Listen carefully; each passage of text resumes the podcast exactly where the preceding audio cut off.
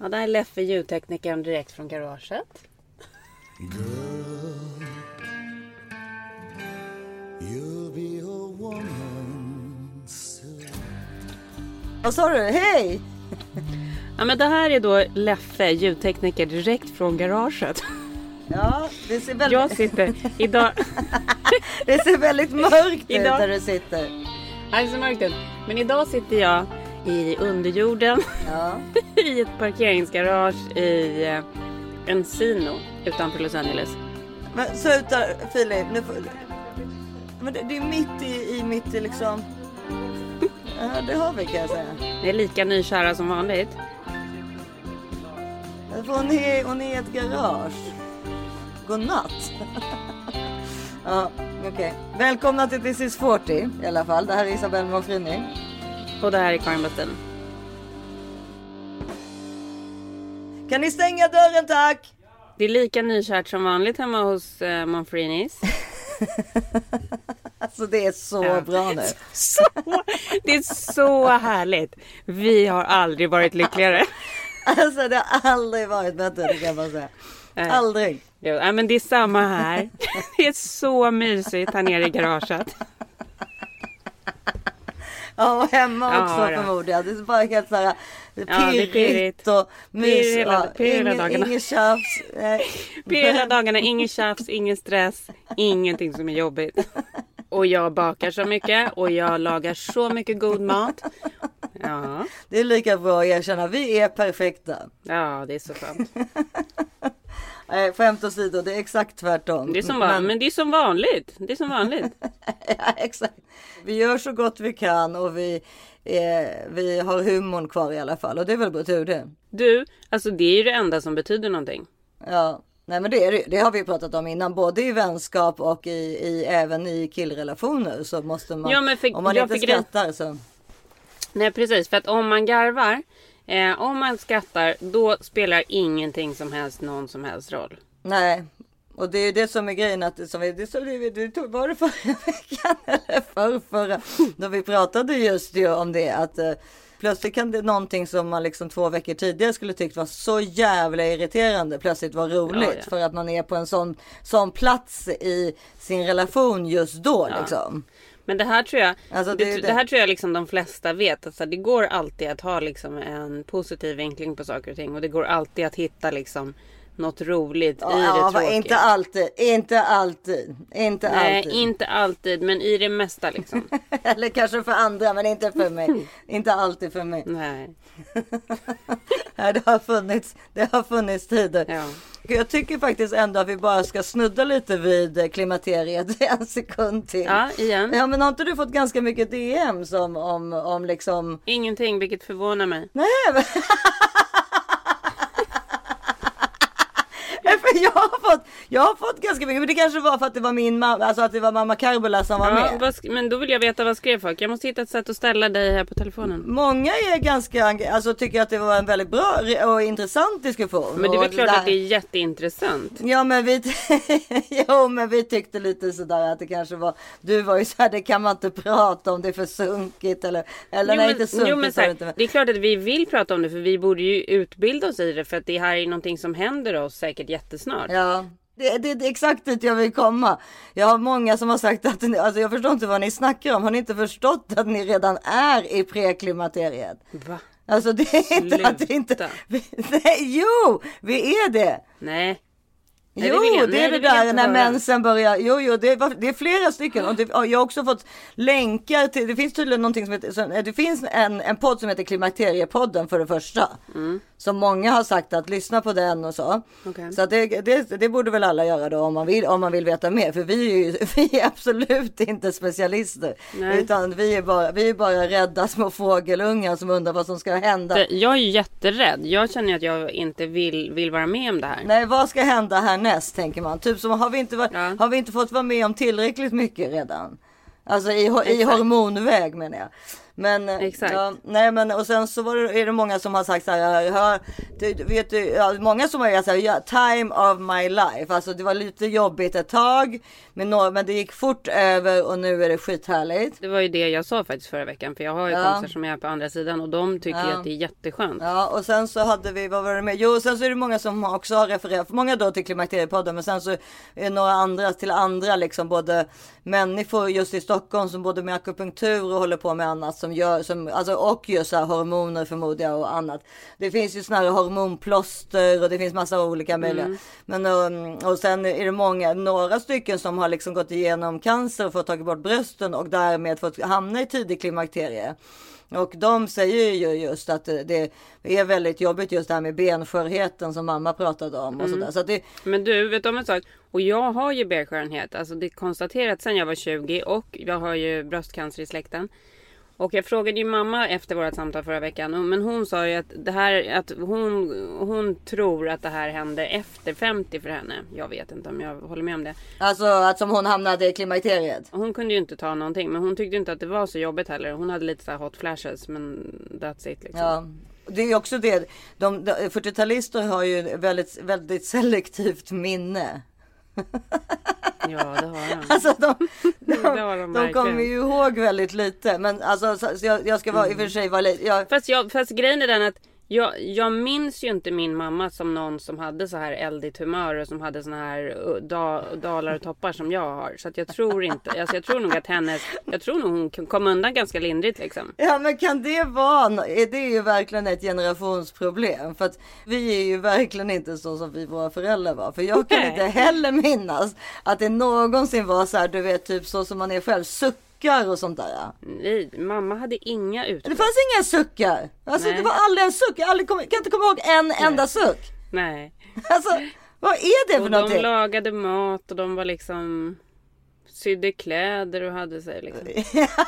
ja, fast jo okej, fast det är ju också det där att de var ju mycket, mycket mindre med oss. Men jag förmodar när de väl, verkligen var med oss så var det mer kvalitet än vad våra barn får. Ja. Vi, då, där är det toppar och dalar och sen så och, så, och, suck, och Ja, vet. suckar däremellan.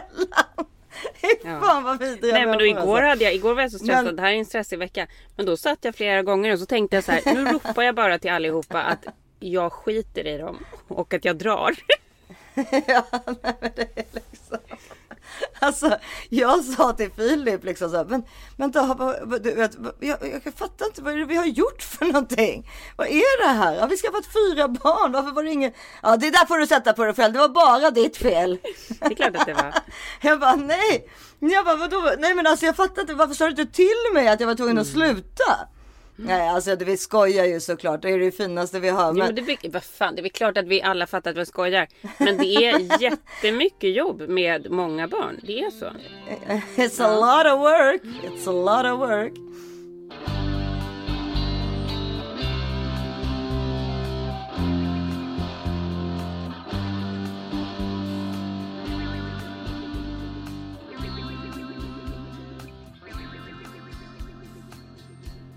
Ja, och den här veckan har vi fortfarande med oss Flowlife. Gud vad vi, alltså jag älskar Flowlife så mycket. Nej men Flowlife får aldrig lämna oss. Nej men nu, för mig har det ju gått över så jag hade ju med mig den till restaurangen Ja. Alltså det är lite...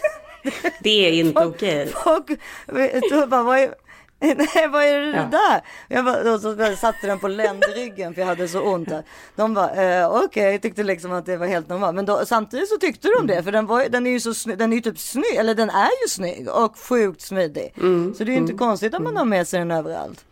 Nej men det är väl klart. Nej men det är helt underbart. Jo, får- får väl folk tycka vad de vill. För att det, allting handlar väl om ens eget så här, välmående. Om man tycker att det där är skönt och den verkligen hjälper. För det gör den ju. Man känner sig ju mycket mer avslappnad efter att man har använt den. Alltså det är sån effektiv massage. och Det känns som om liksom kroppen återhämtar sig då, liksom, eh, efter typ ett träningspass. Eller man känner, alltså både att man känner sig stel eller om man har träningsverk så tycker jag att den är toppen verkligen. Är helt underbar. Ja, men för den gör ju värsta punktinsatsen. För det är ju exakt det där, alltså så här, jag har ju hållit på och legat på så här tennisbollar typ förut. På ömma punkter. Ja. Det känns ju som stenåldern i jämförelse med det här. Det här känns ju verkligen som Ja, det helt rätta sättet. Det är klart att man ska använda en flowgun go istället för en tennisboll. Ja, den är fantastisk. Ja, men så gå in på flowlifesweden.com och där finns ett erbjudande som heter This is flow 20. This is flow 20 och där får ni 20% rabatt på hela köpet. Och erbjudandet gäller hela, till och med 28 februari.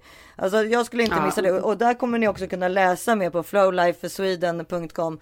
Liksom alla, de har ju andra ehm, underbara produkter också. Precis. Nu är vi lite inne just på den här Flogan Go, men de, de har ju liksom allt ifrån eh, en, vanlig Flogan och sen så har de en massagekudde som heter Flow Pillow Heat och sådär. Så att där, gå in på flowlifesweden.com och läs mera så, så får ni lära er om det här underbara märket och produkten. Men gå in där och förändra ert liv skulle jag vilja säga. Gör det. Missa inte detta. Hej då!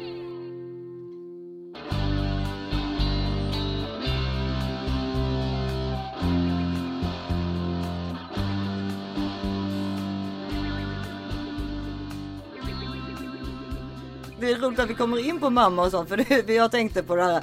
Jag tittade på, det är ett nytt program på SVT som heter Karina Bergfeldt. En gammal, hon var utrikeskorre i USA tror jag. Alltså, jag, har inte liksom, jag, jag har liksom inte riktigt följt henne eftersom hon var ju korre i USA när vi bodde i USA. Förstår du? För SVT. Men jag vet inte vem Nej, hon är. hon Nej. är typ i våran ålder och så, vilket jag kan tycka då är så här ganska befriande att SVT ger en talkshow till en så gammal tjej Mm. med ganska, eller gammal, alltså hon är nog yngre än vad vi är. Hon, är- jag skulle säga att hon är Jag tänkte att du skulle säga att det var befriande att du gav det till en sån ung tjej. För att, för att vi fortfarande är så unga. Men du menar att det är en gammal tjej som är i vår ålder? det är en gammal kärring fast hon är yngre än vad vi är. Alltså jag skulle säga att hon är 40. Men hur kan hon vara en gammal kärring? Hon kan väl inte vara en gammal kärring om hon är yngre än vad vi är? Ja, men det är klart, vi är svingamla. Alltså det är skittråkigt. Nej, det är inte alls det. Jo, det är vi.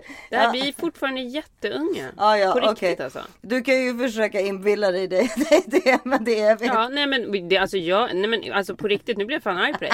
För det handlar ju om vad man, vad man, hur man är i sinnet. Det handlar ju inte om att göra att jag har 44 varv på jorden. Jag är jävligt trött i sinnet också idag.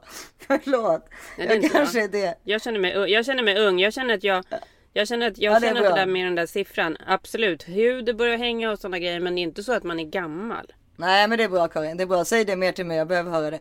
Men Ja, men tänk dig, när du är 60, vad, tror, vad ska du vara då? då? då pillar jag på min bakercysta exakt hela tiden.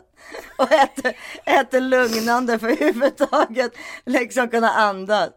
Nej jag Nu skojar. får du skärpa dig. Jag skärper mig. Vi, vi, det Ja. här är faktiskt ingen ålder. Nej okej men hur som helst så är, hon är väl 40 hon har små barn så det är det jag menar det är ändå modigt. Jag tror inte liksom att vilken kanal som helst skulle göra ett sånt val. Så kan man väl säga då. Alltså det är, en, ett, det är ett SVT-val. Eh, och, eh, och hon har då en alltså det är liksom det som går istället för Skavlan förmodar jag. Alltså Skavlan har väl ledigt, jag vet inte. Och det är en talkshow. Ja det är en talkshow. Och då hade hon Christer Björkman bland annat som gäst. I, för hon, för Mel- Melodifestivalen har ju startat här i Sverige nu. Mm.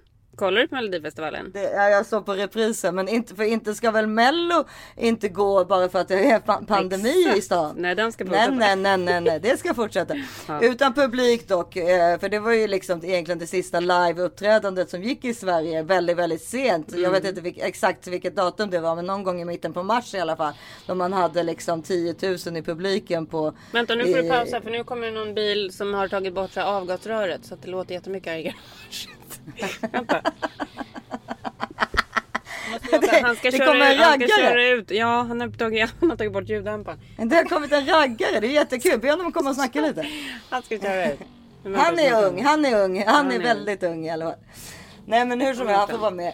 Han får vara med. Men, men ha, då i alla fall så, eh, vad var, jo så, så Mello precis, så att det, var, det, har ju, det har ju varit lite snack om det och att hur kommer det sig att man sände den där sista Melodifestivalen förra året? För att det Mm, var ju, det- jag fan, fan, man visste ju, ja, man visste ju liksom vad, vad som var på väg att hända. Men nu så har man då gjort Melodifestivalen utan publik. Och Christer Björkman är inte bara mellochef utan han ska också vara programledare det här året. Tillsammans med massa andra människor. Då första finalen som gick då i lördags var han det med Lena Philipsson. Och det var Danny Saucedo och det var det ena. Och det var Arvingarna och det var, ja, det var det ena efter det andra. För mig som fortfarande bor i USA är ju detta ett skämt alltså. Ja, nej, ja, fast det, nu, Christer Björkman ska flytta till USA, för det här fick jag reda på genom Carina Bergfeldt, för han ska nämligen typ göra Melodifestivalen i USA, så skämt eller inte, han är på väg till dig. Men det är så här, good, men så här, det är good luck säger jag till honom när vi har så här American Got Talent och andra grejer. Det är så här, Jo, men det har väl Sverige kommer också. Christer till USA för att göra Melodifestivalen. Ja, det ska bli kul att se. Ja, nej, men det är en sorts melodifestival som han ska göra där. Vi kan klippa in vad han berättar om det i programmet. Det är inte, allt är inte klarsignat, men det är väldigt mycket advokater on the case. Du, det påstås ju att det finns ett liv efter Melodifestivalen och jag har hört ett rykte om att du eh, ska eventuellt flytta tillbaka till USA. Ja. Det- Om allt går väl så kommer jag göra det. Eh, och det, det går väldigt bra. Det ser väldigt bra ut. Eh, vi håller bra? på med ett projekt som heter American Song Contest. Eh, det är inte signat, Nej. Men vi försörjer ett gäng advokater just nu. Så så pass nära är det. Och det troliga är att det blir klart eh, inom några veckor och att vi faktiskt så fort vi får eh, på grund av pandemin förflytta oss dit så kommer vi göra det. Och det är fantastiskt spännande. Vad, hur, det är alltså helt enkelt ett American Song Contest, Eurovision i, i, i 50 statsformat. Ja, det blir ju faktiskt en, en kombo kan man säga av Melodifestivalen och Eurovision därför att först blir det ju deltävlingar mellan alla de här staterna. Så det blir ju i princip en hel tv-säsong. Eh, och sen mynnar det ut i då två semifinaler och en final, så som det är i Eurovision. Good luck Christer Ja, säger hur som helst så berättade han, eh, berättade han, och det är det här jag vill komma nu när vi, nu, vi har snurrat runt lite men med mammor då, för då sa, sa hon, jag har förstått att eh, din mamma har betytt mycket för dig. Du växte upp i Borås med din mamma Ulla. Vad har hon gett dig? Ja, allt. Eh, hon, eh, hon fyllde ju mig med en tro på att jag var eh, unik, fantastisk och kunde åstadkomma precis vad som helst, precis som hon hade gjort. Eh, och eh, det... Jaha, ja du vet, det är alltid frågan. Liksom, man, man har ju hört mycket om det nu till exempel med Kamala Harris och liksom de här människorna som som kommer väldigt långt i livet som har haft kanske inte som man tänkte så här, ja, vad ska hända med dig egentligen? Och sen så har det liksom blir man vicepresident eller någonting annat. Man har liksom fått stipendium på Harvard där från Senegal och sen blir man äger man Uber eller liksom du vet alltså är liksom man har och då är det, har de ju alltid historier om att liksom deras mamma var det finns ju alltid den historien om ja men mamma var oftast mamman faktiskt inte pappa utan Men mamma. det, är ofta, mamma det har ju ofta varit ensamstående mammor som har blivit liksom upphöjda till skyarna. Precis, det kan det gärna vara också. Men då är det ju alltid det där då att ja, mamma sa ge aldrig upp, du kan bli precis vad du vill. Det var liksom de här, och, och, då, och då har jag tänkt på, tänkte jag på det, för då har jag hört det ganska mycket. För, man- framförallt med Kamala har man ju hört det, vilket man förstår. Man förstår ju att, Ja. att det förmodligen var så med Kamala. Men jag undrar om det verkligen är så. Christer Björkman hade också någon historia om hur fantastisk mamman var. Och ja, det var andra, det man hör, alltså det finns ju hur många exempel som helst. Ja men han den här andra, han den här andra din favorit som du, den här serien som gick på Netflix, hans mamma som... Vem, vem är det? heter min han? favorit. Ja men den där realityn, vad är det han heter? Ehm, han svarta killen. Ja, Kevin Hart, Kevin Hart ja. Precis, det var ju också så här stark, starkaste, smartaste, fattigaste och ändå lyckades liksom ge mat till alla, laga mat, ha fyra jobb. Men det är fan helt otroligt Issa, det är ju otroligt. Det är ju otroligt, men man undrar fall det ibland fall det är en efterkonstruktion. För att det är liksom så här, jag, jag har inte en enda kompis som har haft en sån mamma. Alltså där det har varit så här, du kan bli vad du vill, ta för dig av livet. Liksom, eh, ja, ni, alltså jag, jag tror att du förstår du vad jag menar för sorts typ. Ja, liksom. Eller den, Men, vet du vad, men vet du vad jag tänker också? Jag tänker att det kanske faktiskt är en amerikansk grej Issa. Är det inte så att amerikanska mammor är mera så? och Christer Björkman då i så fall. Ja. Ja, kanske. Ja. Kom så länge hjärtat slår, kom så länge sanningen finns kvar. Imorgon är en annan En dag. Kommer du ihåg den? Jag älskade den. Den Ja, kom ju sist. ja. Den kom ju sist på Melodifestivalen. Det, var, det är fortfarande en av mina bästa låtar. Men, men, nej, men då Hur så, kommer den gå då i USA? Come Den finns på- heart is den, beating. fi- den finns på Kom. engelska vet jag. Tomorrow is another Another day. day. Det är vi som Ja, får men- framföra bidraget. Men jag... Det är du och jag. liksom- ja, ja. Nej men för till exempel i min, eh, i mitt fall så var det ju så typ, jag, jag måste ju varit, alltså jag, jag tänkte på när det här kan ha varit, för du och jag lärde väl känna varandra 98, 99 någonting på Titan då. Mm. Så då hade jag ju redan ett jobb.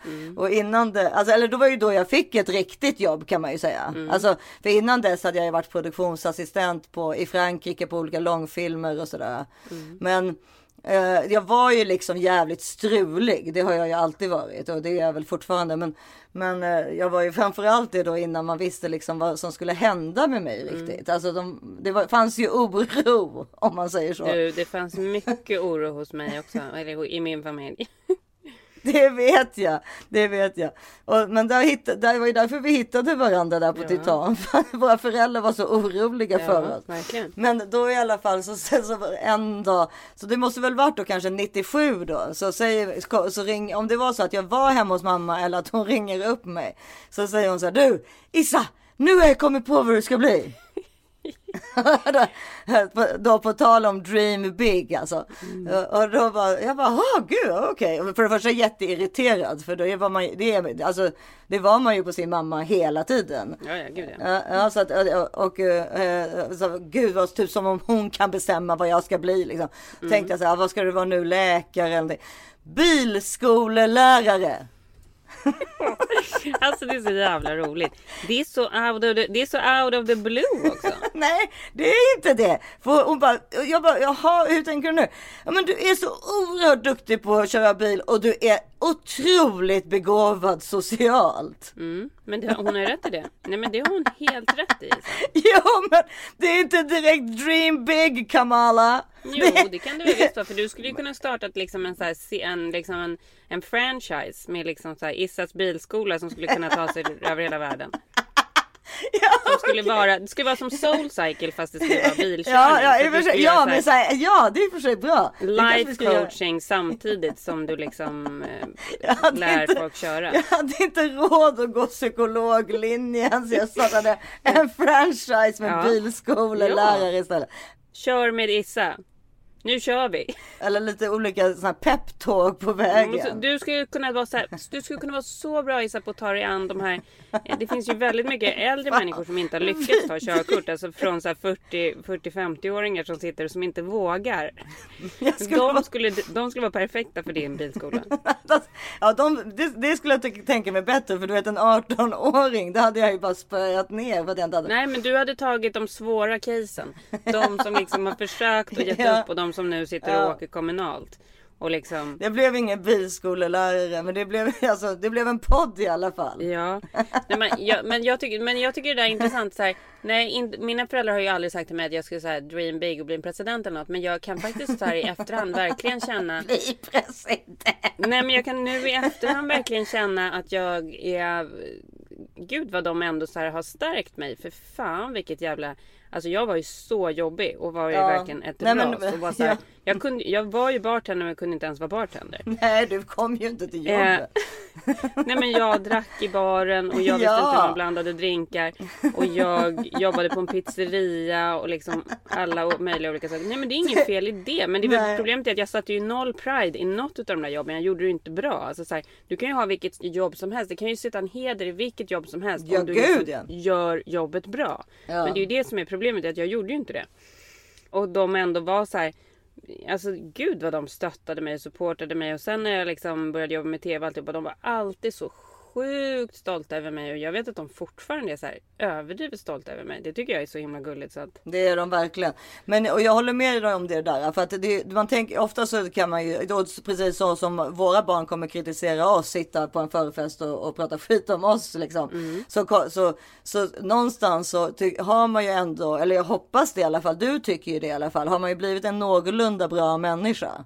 Ja absolut. Jag tycker Ja. vi är jättebra människor. Jag tycker vi framför, men vet du vad jag tycker framförallt? Jag tycker vi framförallt har väldigt bra själv... Eh, inte självinsikt. Väldigt. Nej, det har vi icke. Nej men vi har väldigt bra människosyn och vi är väldigt så här accepterande. Ja, vi tycker ju om människor. Det är ju det enda egentligen som man vill lära, lära sina egna barn ju. Att Absolut. liksom vara snäll mot sina medmänniskor och eh, fatta att man eh, oftast har fel ungefär. Mm. liksom, alltså, du? eller liksom var, var, var, var självständig men, eh, men, men säg, säg förlåt och du, du kan, du, ofta så så säger man konstiga saker och sen så är det okej ungefär. Mm. Alltså utan att det är för, ja, inte ta, ta, ta allt på för stort allvar. Och det, det har, Nej, de, men- det nej, har men de ju gjort bra. Ja, det har de verkligen gjort bra. Det är så här, för det, för det är ju som jag tänker med mina barn. Alltså så här, och där är Henrik och jag sjukt lika. Det enda, det enda så här mottot vi har haft med deras skolgång är att de ska tycka det är kul att vara i skolan. Vi skiter i vad de får för betyg. Vi vill bara liksom att de ska trivas där de är. Och har det lyckats? Tycker dina barn att det är kul i skolan? Grattis i så fall med det. Alltså mestadels så tycker de ju det. Åh, nu tycker gud, de att det här pand- pandemiåret har ju verkligen eh, kört ihop det för Harry. Han tycker att det är asjobbigt. Harry hade ju också många år där han inte tyckte det var bra i skolan. Men de senaste åren har ju han verkligen trivts och haft så otroligt stora framgångar. Eh, men, men pandemin har ju inte gjort det kul att sitta Nej. hemma. Men Cesar är ju supernöjd i skolan. Liksom. Ja, vad kul. Det är det viktigaste. Det är så kul för att både, för att jag tror att både Henrik och jag hade liksom katastrofskolupplevelser. Ja, men precis. Och det, är där vi, det var ju det vi pratade lite om study buddy till exempel. Alltså förstår man saker så, så är det ju ofta roligt. Alltså det är ju det. Då Ja. vill man ju lära sig mer om det liksom. Det är när man inte förstår. Ja, som- det är så här, man, man måste förstå vad man håller på med och man måste tycka det är kul och så här, absolut, det är väl klart att det kanske inte är roligt på matten hela tiden. Men det, Vissa det, tycker det. det viktiga är inte det viktiga är inte att gå ut med toppbetyg utan det viktiga är att liksom göra det och tycka att det är roligt. Nej men det är ju det att det är en del av livet och livet är ju så kort eller vad man nu ska säga. Mm. Så ska man hålla på i 18 eller 18 år håller man väl inte på med. Eller man håller ju på i 12 år eller vad det är. Med någonting som man liksom hatar varje dag. Så är det ju lite speciellt liksom att man gör det och att man är, till och med godtar att göra det eller även som förälder så att säga. Alltså Mm. det är så här vadå om, det, det är det ju liksom inte värt. Men det, det, det är väldigt speciellt ju för att man har jag tror att det, är så, det, man, man vill ju verkligen ha mellanungar. För jag tror att det är väldigt jobbigt att ha barn som är, är extremt duktiga i skolan. Det kan vara lika jobbigt som att ha barn som är, inte förstår skolan liksom. Så det, det, Ja, när, det bara, när det bara blir liksom ett, ett race till målet att man bara ska liksom toppa det senaste ja, och tycker att det, man tycker väl oftast att det är tråkigt då också tror jag. Alltså för att man... Ja, jo men det kan vara antingen att det är tråkigt men att också är så här att det blir det blir för viktigt. Det finns så himla mycket sjuka grejer på det här temat. Jag lyssnade i morse på något eftersnack här från Super Bowl som var i söndags. Så var det så här the TB12 method som det kallas. De är då Tom Bradys sätt att leva. Som har gjort att han liksom har vunnit nu liksom sju Super Bowls. Så att han är liksom den äldsta spelaren. Det är precis, jag läste också någonting sånt. Vad var det han gjorde med Giselle? Hon fick Nej inte... men TB12 method då som han lever ut efter. Men vad- heter det? Vad heter det? alltid jättegl- TB TB12. Jaha, okej. som han har utvecklat. Som är då hans sätt att leva. Ehm, grejen är den att jag är, så här, jag är sjukt impad av liksom så positiviteten och av den här vinnargeisten som han har. Att han är, Han är 43 år gammal. Han har Ja. vunnit. Han, är- han är liksom quarterback på en av de jobbigaste sporterna som finns. Ja exakt och han är så här, han spelar svinsmart. Han ser till att han inte får skallskador. Han liksom har en så taktik som ingen av de andra quarterbacksen har. Och han har då ett så här sinnessjukt sätt att leva som han då har kommit på att det är så här han gör. Och då är det liksom en superspecialkost som är att han eh, utesluter liksom allt salt, allt socker, alltså han utesluter till och med olivolja, allt som är så inflammatoriskt, som är svampar. Alltså gör han så här det alltid året runt? Ja. Ja, Okej. Mm. Och det syns ju också. Eh, Men den här reporten, hon, den här reporten som körde upp den här listan, hon bara betade av här grejer grejer. Hon bara, så sa hon till sina kollegor sen som så här, eh, basically liksom allt som jag äter utesluter han. Ja. och det, så är det ju. Så att det är liksom, han lever ju efter en så här hård regim. Men det är ju liksom en person som förmodligen liksom har levt så hela livet. Så här, försökt vara liksom den bästa i skolan, den bästa på det ena och det andra. För en del människor funkar ju det, men det är ju liksom det är väl några få procent som orkar leva på det där sättet. Jag tror inte att han har varit, alltså, eller det, vet, det här har jag absolut ingen aning om. Men oftast är ju inte sportmänniskor jätteduktiga i skolan. Alltså, för de är Nej så men jag tror att det är en, så här, det är en otroligt determined, alltså det är en otroligt bestämd människa Ja. som kan liksom leva på ett sånt sätt. Det är inte liksom vem som helst, det är inte du och jag. Nej, nej men gud, nej, men det är ju samma som liksom egentligen Alltså Tiger om man ska säga som har både kommit tillbaka, gått ner och kommit tillbaka. Alltså att kunna liksom vinna igen efter så många år Mm. av dekadens och allting. Eller bara liksom det som han var under de åren då han var som bäst. Liksom. Det är ju saker som ingen människa någonsin har gjort tidigare. Och så Nej. är det ju med Tom Brady också. Ja men det, och, Och, det här är eh, grejer som så här sätts i ungdomen. Vilken typ av människa man blir på något sätt. Ja, för, det, för det jag vill komma in på, för att gå vidare liksom från det vi, som vi pratade om där med bilskolläraren och alltihopa. Ja, nej, men när man är i sitt så mest unga, osäkra, när man inte liksom riktigt vet vad man ska göra i livet. Är du en Tom Brady så vet du väl att du ska bli en quarterback liksom. Det visste ju han när han var fem förmodligen. Alltså, Ja, är du Tiger Woods så vet du att du kommer bli Gud, ja. golfproffs när du är Nej, 11. han, liksom. nej, han visste det när han var Ja. två. Tiger Woods. Ja, men och sen finns de där personerna som vi. Ja. Som, jag hade verkligen, alltså, det, det kanske egentligen inte var så många år. Men det är bara det att åren är så långa när man är sådär ung. Ja. Jag hade så många år då jag verkligen så spenderade Alltså jag vet inte hur många timmar varje dag med att ligga och tänka på vad jag skulle liksom bli och att jag hade noll aning om vad jag skulle bli. Man var så himla så här, man var så mottaglig för olika intryck. För det här har jag tänkt på så himla mycket nu. För jag har ju tittat på den här dokumentärserien om Nexium. Har ni sett den här i Sverige eller? Om vem? Nexium, den här sekten. Nej, nej. Var går den någonstans? Eh, jag vet inte var den går i Sverige. Jag har ju laddat ner den på iTunes. Eh, Nexium var alltså en grej. Det är en grej som har liksom. Sto- den största storhetstiden var nog sent 90-tal, eh, tidigt 2000-tal. En sån här Hollywood business sekt. Man, eh, man skulle liksom gå in där och gå olika så här businessprogram och liksom få så här bestämma sig vad man skulle göra i livet, hur man skulle bli framgångsrik så skulle man fastna då i den här sekten. Och den var liksom superaccepterad, funnits över hela världen, hur stor som helst. Ledaren för det här, han hette då Ranier... Nu ska jag se vad han Det heter. låter franskt i alla fall. Ja, men han är inte fransk, han är amerikan. Jag måste, alltså jag måste ägna lite tid åt det här Isa, för jag kan inte släppa detta. Och du måste se det här, du kommer bli så fast i detta. If we understood the world and if we understood ourselves, that's worth everything. ESP Nexium is a methodology that allows people to optimize their behavior. Nexium is the umbrella company. Keith was the founder. He was a legend. Our main belief is to have people experience more joy in their lives. It's a worldwide organization. When conventional solutions don't work, maybe the unconventional way of thinking does. I was looking around at all these people that just didn't seem joyful. I started to get concerned.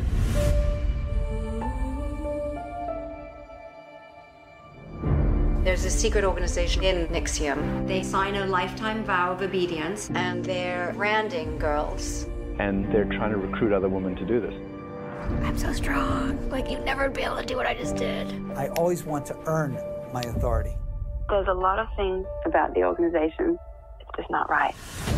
Our commitment is our power. You stay. There's no good way to leave. Ever. I have to expose what's going on. This has to be stopped. There are a group of people we're going to the press. We are filing criminal charges. You're branding my wife. Everybody is a blend of good and bad. We're playing some sort of game. Chances are I'm going to win. Nobody joins a cult. They join a good thing. Nej men det är ett sånt jävla sjukt Hur många sällskap. avsnitt finns det för det första? Nu, det, finns för, det finns en serie som finns på HBO och sen finns det en serie som ligger på iTunes nu som heter Seduced. Som handlar om en utav tjejerna, som, hennes resa i den här sekten. My name is India. I was in a cult for seven years. Keith Raniere is the most horrific cult leader. Från att hon liksom går på det första så här businessmötet där hon bara gud äntligen. Det här, alltså, så här hade det här hänt mig när jag var 17 att jag hamnade på ett sånt där möte. Jag hade mycket väl kunnat hamna i en sån här grej. Eh, man blir så här jätteinspirerad till hur man ska bli framgångsrik och sen så tar man kurs efter kurs efter kurs. Eh, de liksom helt plötsligt tar de över hela ens liv. Men folk förstår inte det runt omkring för folk tror att det är så här något positivt som pågår för man blir så himla uppeldad och man är liksom eh, är superinspirerad. Vad vinner de på detta då? Man betalar ju pengar för att vara med i de här olika kurserna. Ja, okej. Eh, ja. Men det där är så här ytterspelet. Sen efter liksom x antal år så kan man liksom ta sig längre och längre in i det här och så kan man bli kursledare själv. Eh, Och man tar sig till liksom olika nivåer. Det är precis som scientologerna, precis som alla såna här grejer funkar. ja, ja, det är samma. Ja. Eh, till slut så är det ju liksom, är du så inne så att det finns liksom inget annat. Och de har liksom gjort det på ett sätt så att du, alltså inte ens din familj förstår vad som har hänt. För du har också rekryterat familjemedlemmar, kompisar, Ja. kollegor. Eh, och de, eh, själva sekten i sig då har, har så mycket pengar som har till och med kunnat betala så att Dalai Lama ska kunna komma och ha ett för, framträdande. Så att allting känns så himla accepterat. Det är kändisar som är med. Det var liksom så här, de hävdar att Jennifer Aniston tog kurser. Eh, men du vet så här, bara stora namn. De hade bilder på alla de här. Så att alla var så här, hur skulle det här inte kunna vara bra? Richard Branson var en liksom utav de som var med. Oj, ja, ja. Och sen då, den här dokumentärserien som jag ser då, den handlar om India Oxenberg som är Katrin Oxenbergs eh, dotter. Katrin Oxenberg hade ju en av huvudrollerna i Dynastin. Hon är hon har ju något slags kungligt påbrå från engelska kungahuset. Hennes mamma var, jag tror att hon var så Jugoslaviens prinsessa eller någonting. Så att de Mm. vill alltid få in de här liksom kändispersonerna för att de kan eh, ha kurser hemma hos sig och det liksom gör att eh, allting känns mer, eh, mer okej på något sätt. Eh, och det var ju då, det var ju mamman Katrin som tog med den här dottern India som då var bara 17 på den här första kursen och hon har ju liksom Ja men alltså hon har ju varit Det här har ju varit hennes största olycka i livet för att hon var den som introducerade dottern för det här. Eh, och det som händer när dottern kommer in i det här är att hon mer och mer separeras från mamman. För det, så vill de göra också sekt, eh, sekter. De vill ju bryta Ja, bort liksom, alla starka ja. grejer. Man har alla Det är starka för nära relationer. Ja. Nej men så hon går med i det här och hon först blir hon ju jätteuppeldad och, och så som det, som det bygger och sen bryter de ju ner den. Så till slut så vet ju inte hon, hon vet ju inte vem hon är, hon vet inte vad hon vill göra, hon vet inte liksom ingenting utav det som hon har varit med om i livet. Alltså allt är bara, allt är bara en enda sörja och sen så slutar det i alla fall med att eh, hon kommer längre och längre in i sekten och då är det så här det sista steget in i sekten är då någon så här bi grej som kallas DOS. Eh, nu kommer jag inte ihåg vad det är. Det, det, och det, är- det är liksom tre ord på latin som står för master och slave. Så att hon hamnar i ett så här master och slave förhållande och det var liksom, det var liksom slutgrejen. Och där är man då, man är sexslav, de brännmärktes. Du måste ju ha läst om det här. De brännmärktes ju på pubisbenet tror jag, de här tjejerna. Det låter ju som en, ett ämne som jag vill prata om sen så det är intressant. Men ja. Ja, nej men alltså, och då, de brännmärktes på pubisbenet de här tjejerna. Alla de tjejerna som var då i slutet av, utav, som var liksom närmst den här ledaren. Och allihopa hade innan trott att ledaren var typ munk, att han var helt asexuell. Han pussar alla han känner på munnen. Alla som går på de här seminarierna får en puss på munnen. Du vet, och man ser, det finns så bilder på hur han tar på folk och håller på med deras händer och så här. Alltså det är så äckligt Issa. Och det här är liksom en av de största business-sekterna och modellerna. Nu åkte han dit och fick 120 års fängelse förra året. Vilket är livstid. liksom. Åh, Ja. gud vad skönt. Ja, för att han är alltså Alltså han har ju åkt dit på pedofilgrejer och alltihopa. För vissa av de här, ju längre in i de här kurserna man kom, desto konstigare saker rörde det sig om. Till exempel var det då någon kurs där, där det pratades om våldtäkter och att våldtäkt egentligen inte var våldtäkt utan det var bara hur människan, offret då, eh, uppfattade en upplevelse.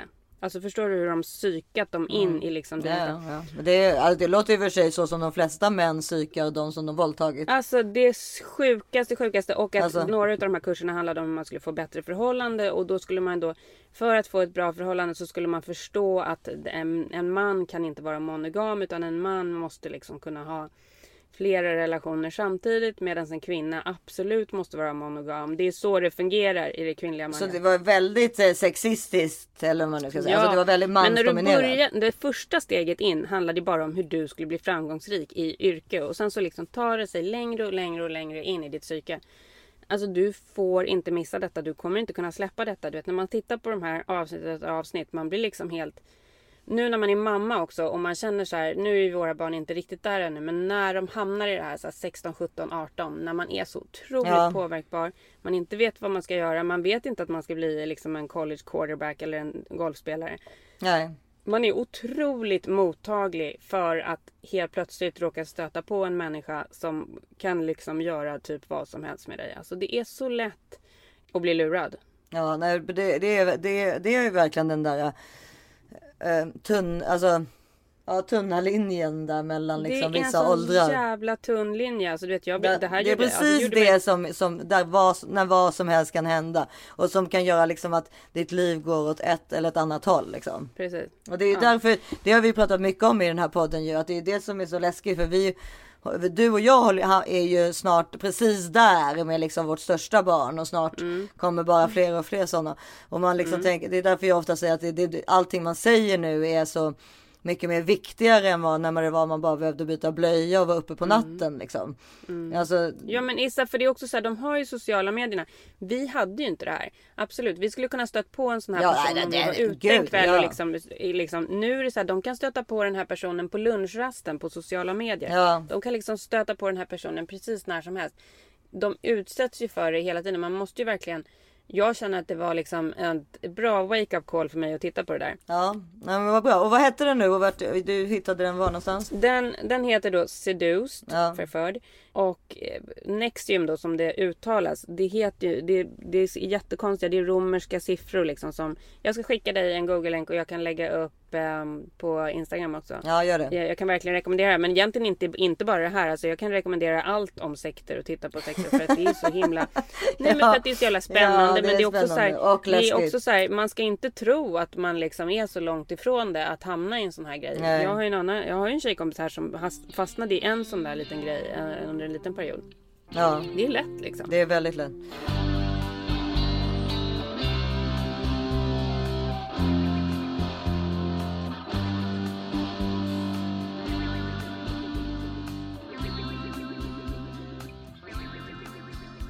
Den här veckan sponsras vi av Hello Fresh. Jag är helt fnittrig. Ja. Det här är typ det bästa som kan hända. Men alltså, det här, vi brukar ju säga att det här är helt up our alley. Men det här är ju verkligen helt up your alley. Mm. Ja, så det. kan man ju Ja, säga. är det. men, men det här är väl egentligen upp allas alley men kanske extra mycket min alley. Nej men vet du varför det är up my alley? Verkligen. Det är ju för att jag, vad det jobbigaste jag vet är ju att jag, alltså jag, jag är ju, gud vad larvigt det är att säga jag är bra på att laga mat. Men jag tycker väldigt mycket om att laga mat. Mm. Kan man säga så?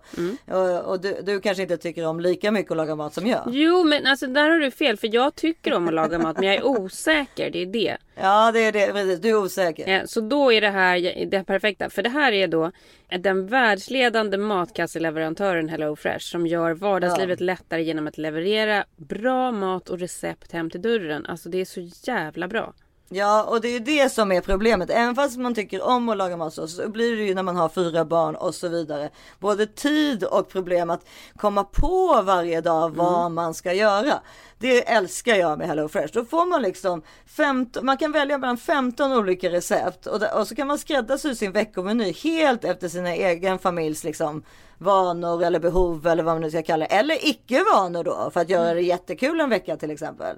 Och extra plus i kanten är ju också att recepten är, är liksom väldigt lätta att laga. Men maten blir liksom sjukt god. Alltså det, jag tycker det här är så bra. Alltså det, är- nu, jag kan ju bara tala utifrån mig själv men jag känner i och för sig väldigt många med mig som är precis på samma sätt. Man åker till mataffären och så vet man inte vad man ska laga för någonting och så köper man massa olika saker. Och sen så bara, "Ha, vad, var, vad är det jag har köpt? Man kommer hem och så har man köpt alldeles för mycket onödiga saker. Och man har missat några så Ja. grundgrejer i receptet för att den där kycklingen ska Ja. bli jättegod till exempel. Här får du precis alltihopa som du behöver och det blir liksom, det blir både så mycket smartare, roligare, kanske till och med ekonomiskt. Ja det blir ju ekonom ekonomiskt för man köper inte det där som man inte behöver. Plus att man får en hel, levererad hela vägen till dörren. Ja. Så man sparar ju tid och man vet vad man ska lägga. Alltså bara energin man sätter på att tänka på vad man ska laga till middag. Att slippa det, eh, det är liksom, det här måste ni bara prova. Hellofresh.se, hellofresh.se. Gå till hellofresh.se alltså och ni kan få upp till 925 kronor rabatt på dina fyra första kassar om du inte redan provat detta. Uppge koden FRESH40 och det är FRESH 40. Ja, nej men det är liksom, det är sjukt bra. Alltså det är nä- nästan tusen kronor rabatt på de fyra första kassorna. Det måste man bara prova och det underlättar ens egna liv. Barnen kommer tycka att det är jättekul, man kan laga med dem, man kan Men hålla slippa på. springa till affären varje dag också. Ja, ja, perfekt. Hellofresh.se, gå in och eh, prova. Perfekt.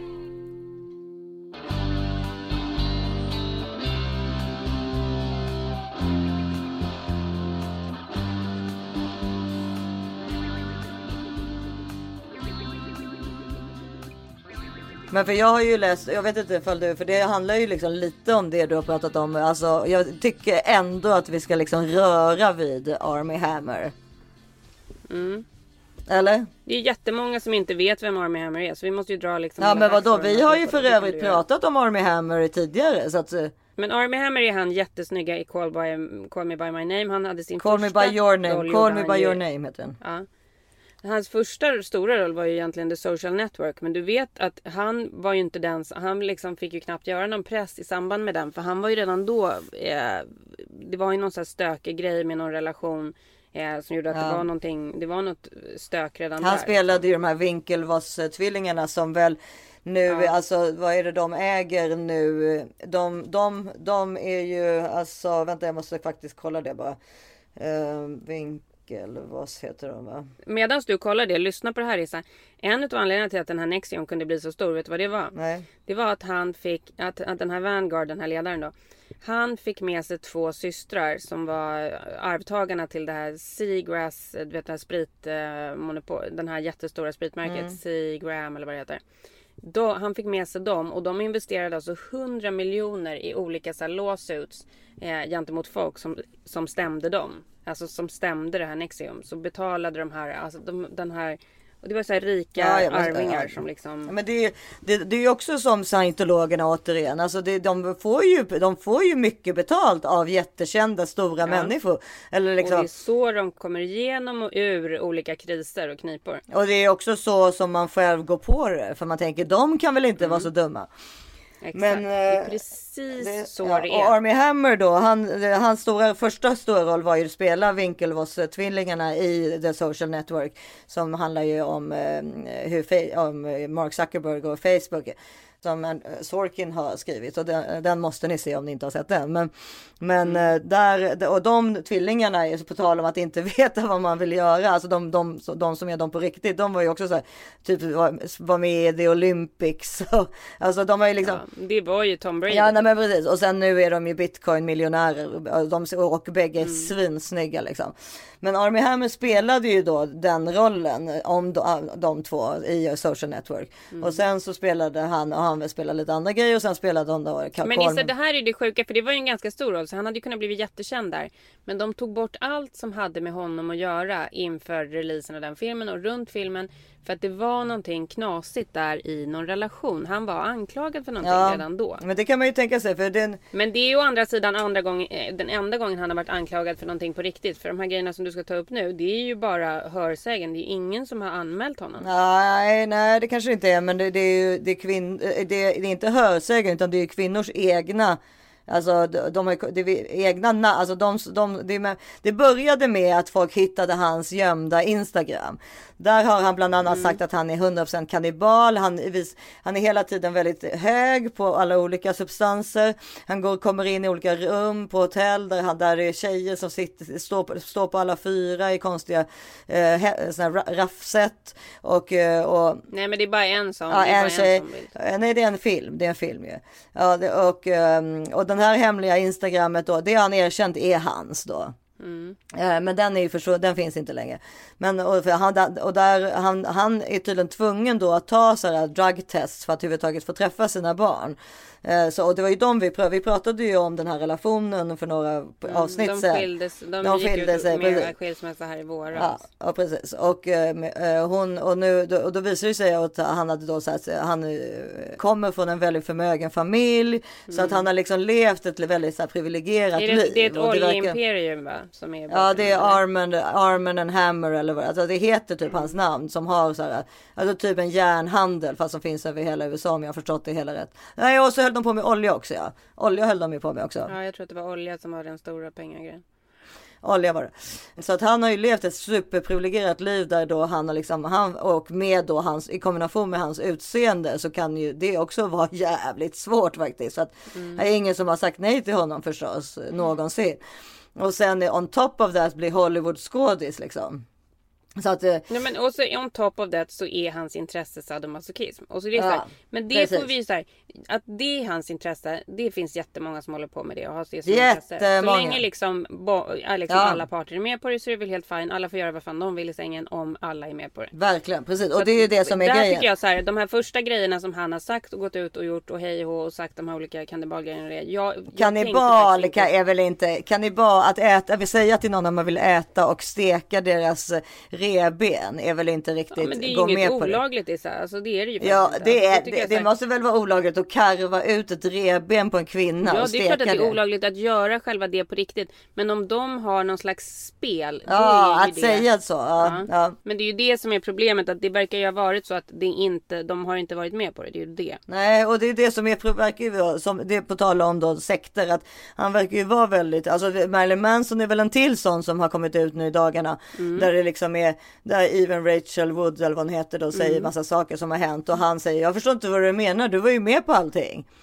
Alltså det är väl det lite som är problemet, att det är så här, det, det, det, det är ju därför det blir svårt, för att de här, de här männen har nog kanske trott att de här, att eh, de här tjejerna har varit med på det, eller Ja, så har men- de inte ja, trott det. det. har varit Men- deras normal. För det här är, har varit deras grej. Det är noll försvar. Men det är ju liksom. Nej, det är inget försvar. De skulle alla träffat den här tjejen om de inte trodde att hon var intresserad av det. Så kanske man kan säga. precis. Men det vet, det vet man ju inte heller. Det här är ju bara teorier. Men, men, men, för, men, men, men det är lite så som de tar fram det nu. Men det som jag tyckte var lite intressant. Nu går det ju så mycket rykten om Armie Hammer och Marilyn Manson för den delen. Men Jag med, gick ju förbi med, Marilyn Mansons hus häromdagen och då var det en kompis som berättade att han faktiskt nu att de hade till och med varit där med så poliser och försökt komma in i huset för att han är på någon slags suicide watch efter det här. Ja, okej, det kan man ju verkligen förstå. Men Army Hammer tror jag inte är det, för han är nog för psykop- sociopatisk för det. Det är min, alltså jag tycker att han, alltså han är ju spännande på sätt och vis för att han är liksom, man förstår ingen, alltså han måste ju ha levt ett sånt privilegierat liv känns det så att han inte riktigt vet var han är någonstans. Jag vet inte, han känns väldigt, eh, snacka om att man skulle kunna göra film på honom. Om man säger så. Du, men det kommer ju garanterat komma. Ja. Men, men med honom alltihopa och hans eh, exfru då, Elizabeth Chambers och alltihopa. Jag tycker också att det är så här. Jag blir också väldigt illa berörd när jag tänker på barnen och allt som de ska läsa i tidningar och hej och. Och sen Mm, så undrar jag också så här. Om nu alla de här sakerna stämmer. Varför är det ingen som anmäler honom på riktigt? Varför är det bara, varför är det bara snack på internet?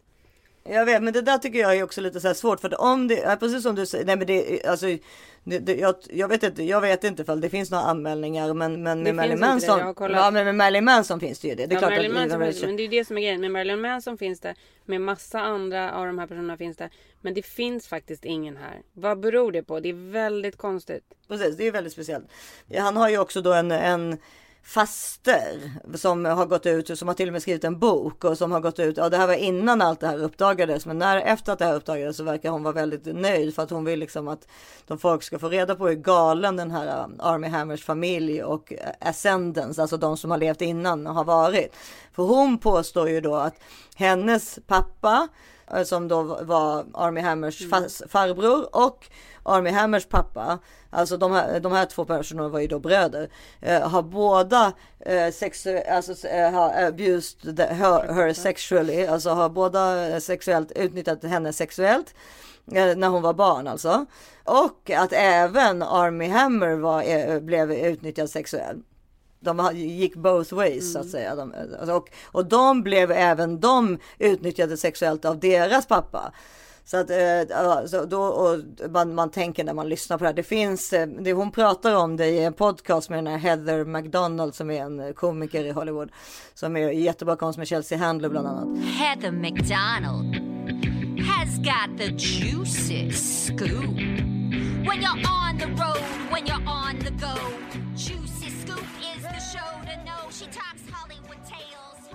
Men eh, som man kan, ja vi kan ju kanske sätta in lite om när hon pratar om hennes eh, släkt då, om då, som är då Army Hammers farbror och eh, egna pappa och egna farfar då förstås. what happened was um, when this all got triggered, I was uh, a friend of mine was a producer up in uh, L.A. filming a news station um, promo, and it was called "Victim No More," ironically, right? And so I was in, and I was trying to be an actor at the time, so I was in the a garage, and this person was supposed to come up and assault me and try and take my purse. So she's filming this. And when he goes to grab me, something snapped, and I almost literally killed him. Um, and just tried to fight my way out of him. And and Lisa was yelling, "Cut! Cut!" And I was just going like a wild animal, like "Get off of me!" and screaming for my dear life. And I remember shaking so much, and that's that's when all these memories started coming back, and I started remembering everything. And I remember um, saying to my sister, telling her am i going crazy? I remember i could i, I could remember smells and, and tastes and and um, senses and just so much detail heather that i just it, it was freaking me out. And that's when she said that my father was raping and abusing her and had threatened to come to me if she didn't continue. And remember she's nine years older than i am. Right. um, and that he was doing this to my brother as well um, so that when I was saying what my brother was doing to me, she was confirming everything that was happening.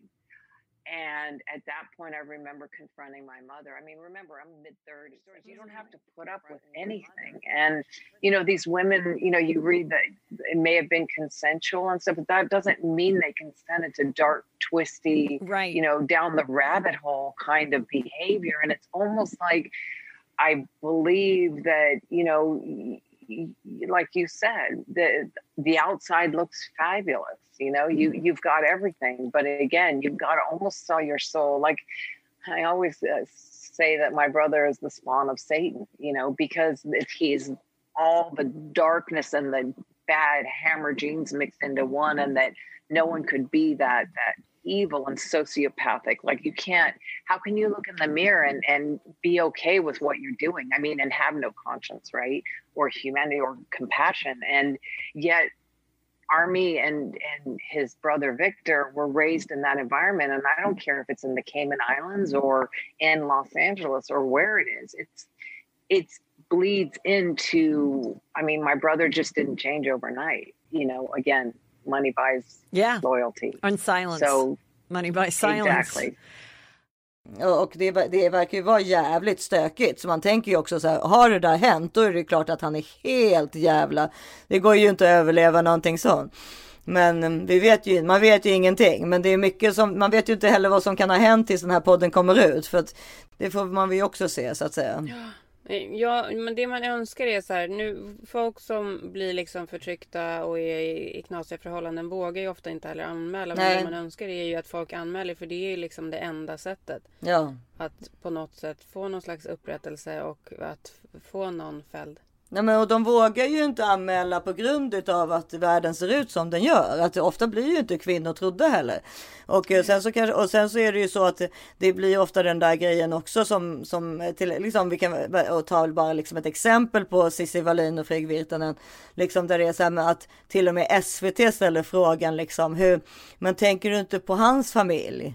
Hur kan du göra så här mot hans familj? Alltså där, det, där kan jag ofta, och nu, jag, nu, jag säger inte att jag vet vad som har hänt mellan Cissi Wallin och Fredrik Virtanen, men det, det är oftast den frågan som vi kvinnor får. Och det är därför, och vi tycker inte om att vara eh, snitches. Vi tycker inte om att vara sådana sorts människor som skvallrar liksom, eller som sätter dit någon. Eh, det är, tycker jag enligt mig ganska mycket mer manligt än kvinnligt. Men eh, så, det, så och då, och, men då, då Cissi Wallin svarar ju så här, ja men det kanske han borde ha tänkt på innan han våldtog mig. Mm.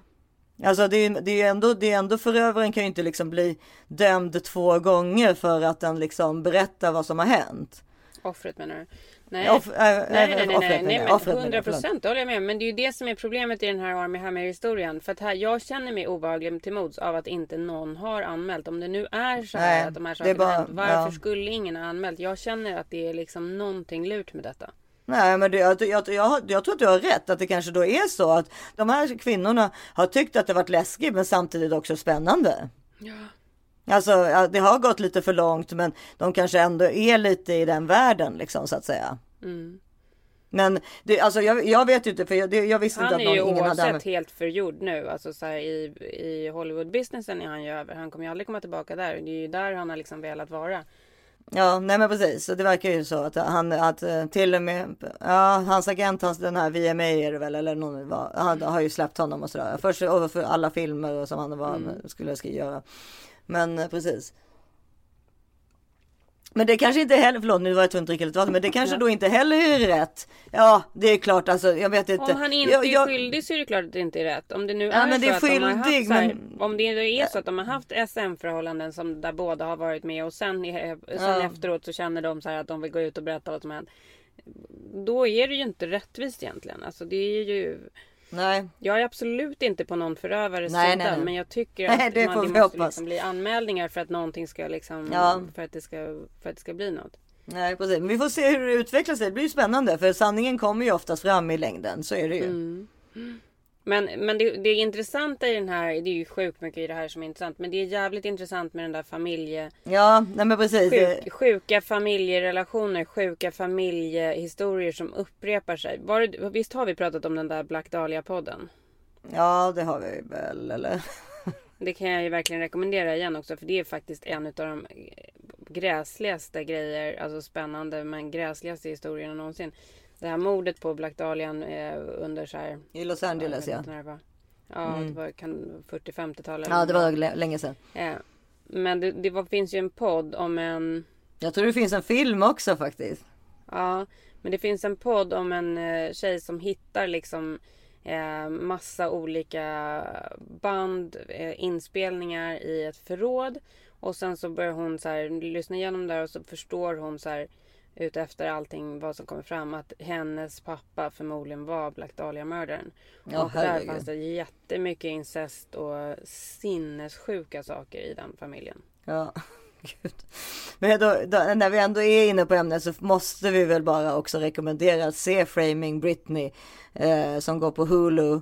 Eh, det kan Mm. ni ladda ner där. Alltså jag har inte sett den ännu, men jag har läst om allting och, och jag ska se den ikväll. Men eh, det, det, så det, Du, jag ska också se den ikväll Ja. för att jag, jag pratade med Sigge Eklund om den i, han, var, han och Malin var hemma hos oss på Super Bowl. Han var helt besatt och bara det här kan ni inte missa. Och det har ju, nu kommer, nu tar det en vecka till innan den här podden kommer ut. Men det kommer ju garanterat hända saker nu för nu har ju verkligen Ja, alla, nej, men och massa alla som förut kändisar. har tvivlat. Ja. Alla som förut har Ja. tvivlat är nu helt på det säkra med att hon har verkligen eh, felbehandlats. Ja, det är ju New York Times bland annat som har gjort den ju, så att den är ju väl, det är en väldigt seriös eh, dokumentär. Men och den och, och det Framing Britney och hela Free Britney rörelsen har väl lite fått, ja, fått lite på sin kvarn, alltså att de äntligen får lite upp, vad heter det, upprättelse kan man väl säga. Ja, de verkar ju ha haft rätt liksom. Ja, precis. Så vi får se vad som händer där också. Men som sagt, jag har inte sett den än, men jag vet ju alla som har sett den och allt jag har läst om den så verkar den ju vara otroligt stark och det är bara måste, måste, måste se. Den går på Hulu. Ja, det är väl det som vi kan säga då, att i varje familj finns det något. Som man inte, alltså man vet, man vet inte allt om alla om man säger så. Det vet man verkligen Och det är jäkligt. Det är ju så, det kommer vi fram till vecka efter vecka. Men det är ju väldigt intressant att det är så också. Det, är ju så man måste tänka, då blir ju livet roligare. Alltså nu var det ju ganska hemska saker här, men det är ju väldigt kul om det är så här, oj, där, den där pappan går alltid omkring med en eh, banankostym på söndagar. så jag vet inte, men du fattar väl. nu, alla, bara, alla bara vänta tag, vad betyder det? Vänta, hur ska vi tolka det? Nej men liksom, jag vet inte, men du vet att det bara, det händer Nej, grejer. Det händer grejer. Alla har sina familjehemligheter och knasgrejer. Ja, liksom. ja, och, och thank God for that, så kan man väl säga.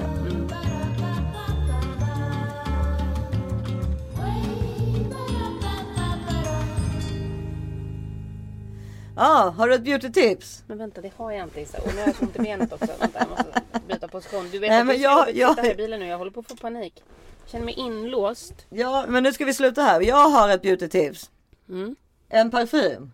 Ja! Gud vad kul! För det vill jag verkligen. Det här kan jag berätta en historia om innan du börjar med det. Så köpte jag en ny parfym häromdagen. Som eh, jag köpte utan att ha luktat på. Utan jag bara googlade så här bästa, eh, härligaste, kvinnligaste doften. Eh, och så Ja. beställde jag någonting från Diptyque. Och så kom Ja, den hem gud vad och så sprayade, ja, så sprayade lite nacken. Och så tänkte jag så här, men gud är det lite för mycket så här blommig kärring? Eh, Henry kom hem och jag bara, hur luktar det här? Luktar det gott eller? Och han bara, mm, jo men det luktar väl fint. Så här. Och jag bara, men är du säker? Jag, jag bara, är du säker? Jag kommer inte ta illa upp.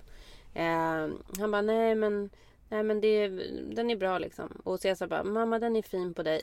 Fin! Och jag bara, men, jag bara okej men den är alltså inte bra. Det, det betyder någonting liksom. Ja. Och sen efter så här, jag fick verkligen dra det ur dem. Men det var inte bra. Ah, Okej, men då får du ge den till någon annan. Ja. Det är svårt att hitta en bra parfym. Otroligt roligt att du säger diptyk för att det, är ju alltså doftljus kan vi ju också liksom alltid rekommendera. Jag älskar Diptyks Feu till exempel. Och det, det sjuka är att jag ska rekommendera en parfym från Byredo. Så det är ändå jävligt ja, lustigt. Och Byredo älskar vi också. Ja, men Vilken det, är det då? Ja, den här heter Accord Oud. Jättekonstigt. Åh, den har inte jag, den har jag inte doftat på. Jättekonstigt namn, eller hur? Accord Oud. Jag vet inte ens vad det betyder. Men den, Vad betyder det?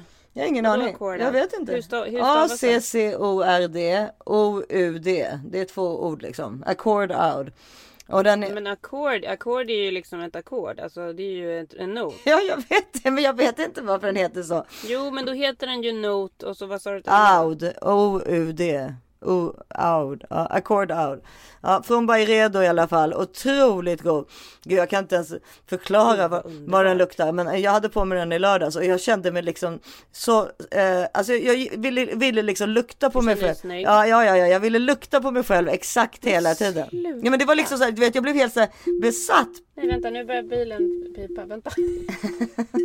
vänta. Vad är det här för någonting? Hur ska jag få den att tystna? Eh, ja, jag blev besatt av mig själv. Det är ändå en, ett bra, bra betyg, eller? Gud, så härligt. Ja, du tyckte att du var så härlig. Nej, men jag, du vet, jag har ju nästan aldrig på mig parfym. Ja, jag har alltid parfym. Jag älskar parfym. Ja, jag vet det är att du alltid ett, har ett det. bra beautytips i sig. Ja. Man känner sig alltid lite lyxigare och lite härligare om man har en liten gnutta parfym på. Och jag ska faktiskt börja ha det nu efter att jag har köpt den här, för den, det var en Och vinnare. det måste jag faktiskt säga så här, glöm inte bort det med män också för de blir också mycket härligare om de har parfym på sig. Och fattar de inte det själva så får man köpa parfymen till dem och göra dem till den härliga man vill att han ska vara. Ja, det är, det är bra, bra födelsedagspresent. Det, det är perfekt. Ja, man bestämmer själv vad de ska lukta. Ja, liksom. de kan också använda Accord Out kan jag berätta för dig. Den känns väldigt Åh, unisex. Ja. Men eh, du, vad mysigt vi hade den här veckan. Alltid lika kul att prata med Så dig. himla mysigt. Från bilen. Ja, från bilen. Ja. Jag, folk tittar ju också på mig när jag sitter här Ja, inne med. Ja, mikrofonen klart. och så här. Och sen på fredag, nu på fredag ska jag ju till Sofia hemmet för min Bakers syster igen då.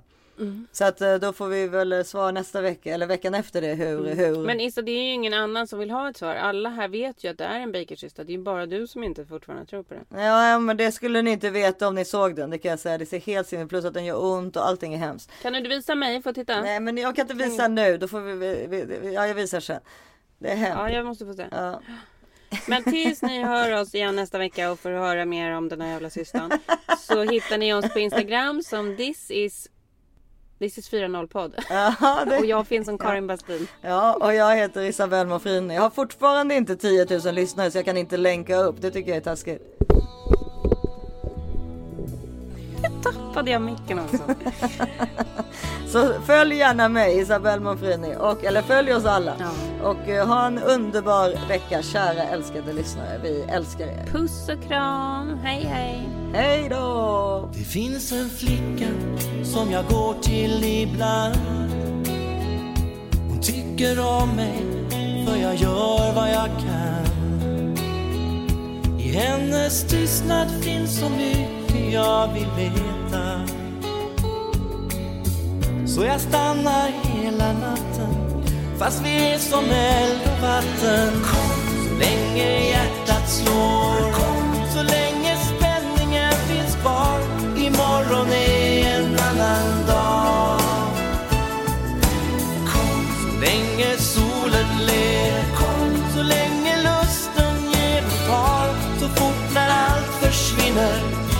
Imorgon är en annan dag.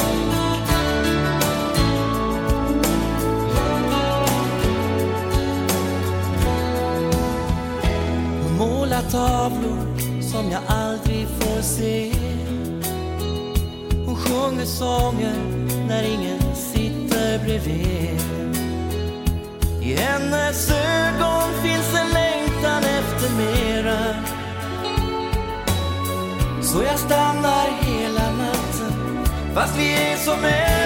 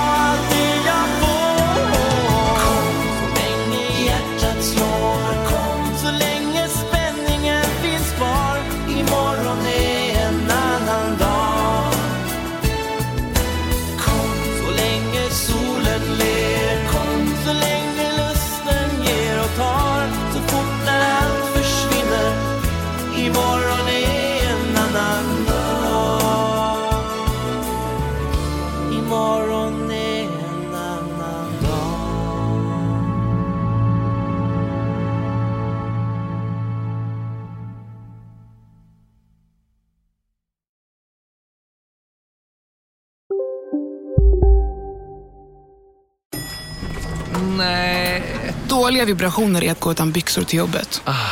Bra vibrationer är när du inser att mobilen är i bröstfickan. Alla abonnemang för 20 kronor i månaden i fyra månader. Vimla! Mobiloperatören med bra vibrationer. Känner du igen en riktigt smart deal när du hör den? Träolja från 90 kronor burken. Byggmax. Var smart. Handla billigt. Ja, Hallå? Pizzeria Grandiosa? Jag vill ha en Grandiosa capriciosa och en pepperoni. haha, något mer? Med kaffefilter. Ja, Okej, ses samma. Grandiosa, hela Sveriges hempizza. Den med mycket på.